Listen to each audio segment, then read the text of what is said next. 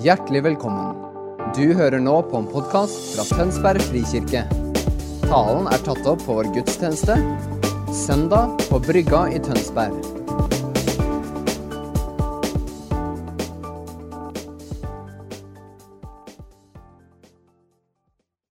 God søndag. Velkommen på gudstjeneste. Jeg heter Birgitte Hammersbøen og er 28 år og tidligere ungdomspastor her i Tønsberg frikirke. Og I dag så er det jeg som skal dele med dere. Vi er i Kristi fred fordi Han er. I Filipperne 4,68 står det Vær ikke bekymret for noe, men legg alt dere har på hjertet, framfor Gud. Be og kall på ham med takk og Guds fred, som overgår all forstand, skal bevare deres hjerter og tanker i Kristus Jesus. Jeg vet ikke med deg, men jeg med to små hjemme og eh, en hektisk hverdag kjenner at det der med 'vær ikke bekymret for noe', det, det kommer over meg igjen og igjen. Det, det, blir jeg. Og jeg kjenner at eh, jeg gang på gang må legge ting framfor Gud og fortelle han åssen det står til. Og Da kjenner jeg at det verset her og det løftet her om at Guds fred, som overgår all forstand, min forstand, skal befare hjertet mitt og mine tanker i Han, eh, det gir meg en ro. Og det trenger jeg i min hverdag.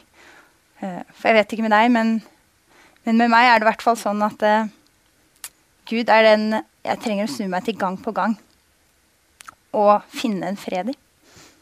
I Isaiah 9,6 står det for hans navn skal være under, rådgiver, mektige Gud, evige far og fredsfyrste.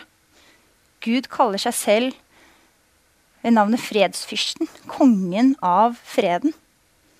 I Kolossebrevet 3.15 oppfordres vi til å la Guds fred råde i hjertene våre. Salme 34, 15 ber oss jage etter den. Vik fra det som er ondt, og gjør godt. Søk fred, og jag etter den. Jeg vet ikke hvordan du ser for deg å jage etter noe, men for min del så ser det definitivt litt mer sånn intenst ut enn en rolig joggetur. Det er ganske målbevisst det, å jage noe. Det er noe du løper rett imot. Hvordan søker man en slik fred i livet sitt? Hver morgen etter jeg har fulgt eh, sønnen min på to og et halvt år i barnehagen, så har de sånne store vinduer som man kan se inn gjennom. Da ser jeg inn på, på avdelinga og alle barna der. Og han kommer inn, og så ser jeg hvordan han setter seg ned blant alle barna midt i lekene for å leke. Og det som fascinerer meg gang på gang, det er at han kan sette seg ned der i et sånt mylder av barn og massivt bråk rundt seg og bygge og fikse med denne legoen eller magnetene i en sånn fred. Og Det minner meg på lovsangen 'Into the Sky', som er skrevet av Jason Upton. Som han lagde for noen år siden sammen med sønnen sin.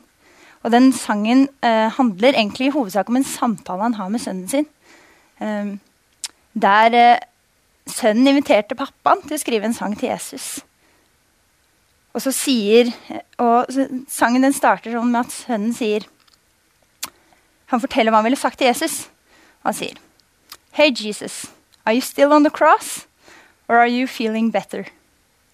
Hei, Jesus, er du fortsatt på korset, eller føler du deg bedre? Og så fortsetter han. Og hvis du føler deg bedre, har du lyst til å komme ned hit og leke med meg? Har du lyst til å komme hit og sette deg her på gulvet ved siden av meg? Den sangen er en sånn vakker invitasjon til Jesus fra en liten gutt om å komme og være med i leken med sin fred. Og er det kanskje der vi også kan finne den? Midt i alt kaoset vårt. I alt det som stormer i livet, i den svidde middagen, i de tingene vi ligger litt på etterskudd i. Midt i alt det du kanskje har glemt. Du, eller bak de søvnige øyelokkene. Når du setter deg ned med den slitne kroppen akkurat der. Akkurat der hvor du er. Akkurat nå. I Johannesevangeliet 1427 sier Jesus oss på ny et løfte. Han sier, 'Fred etterlater jeg dere. Min fred gir jeg dere.' Ikke den som verden gir. La ikke deres hjerte bli grepet av angst eller frykt. Gud har gitt oss denne freden. Sin fred. Han er fred. Å søke Guds fred det handler om å søke Gud selv. Og Jesus han viste oss eh, bedre enn noen annen hvordan det så ut for ham. I Markus 4,35 så står det om da Jesus var på båttur med disiplene. De skulle over sjøen på den andre siden, og de legger ut på kvelden. Uh, og da kan jeg jo, Du kan jo se for deg kvelden. Det betyr nok antageligvis at det var mørkt ute. Og de skal reise over med båten, og så blir det skikkelig uvær. Og når Bibelen beskriver skikkelig uvær, så har jeg tenkt jeg tror det er mer enn en sånn, en sånn uh, et lite vindkast. Det her er en skikkelig storm. Se for deg en storm på Nordvestlandet her i Norge. Det står at båten holder på å tippe. Disiplene må ha vært så utrolig redde. Der er de i båten på vei over, og det er jo helt krise. Men Jesus han er jo med.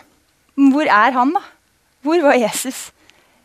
Jo, det som er, vet du. Jesus han ligger bak i båten og sover. Og I min bibeloversettelse så står det at han sover på en pute. Det er ikke bare det at han ligger der og sover, men han ligger og sover på en pute. Da sover man tungt, ikke sant? Og, og han, han, kommer ikke opp og bare 'Hva skjer nå, folkens?' Nei, de må vekke ham. Disiplene må gå og vekke Jesus. De går og vekker han, og så sier de, 'Mester, bryr du deg ikke om at vi går under?' Jeg ser Noen har skrevet det her som at, at disiplene kanskje gikk rolig bort og var litt sånn, litt sånn skremte for å møte, for å vekke Jesus. Jeg har på en annen side tenkt hva om det var sånn at de bare var helt i, helt i fire flamme og, og, dro i han og ropte til han? Kanskje det var scenario? At de ropte til Jesus. 'Jesus, mester, ber dere om at vi går, bryr dere om at vi går under?' Og så skjer jo det her. Bemerkelsesverdig. Jesus han står opp, han truer vind og bølger, og det blir helt stille. Og så svarer han disiplene med å spørre dem hvorfor var de så redde. Hvorfor hadde de ikke tro?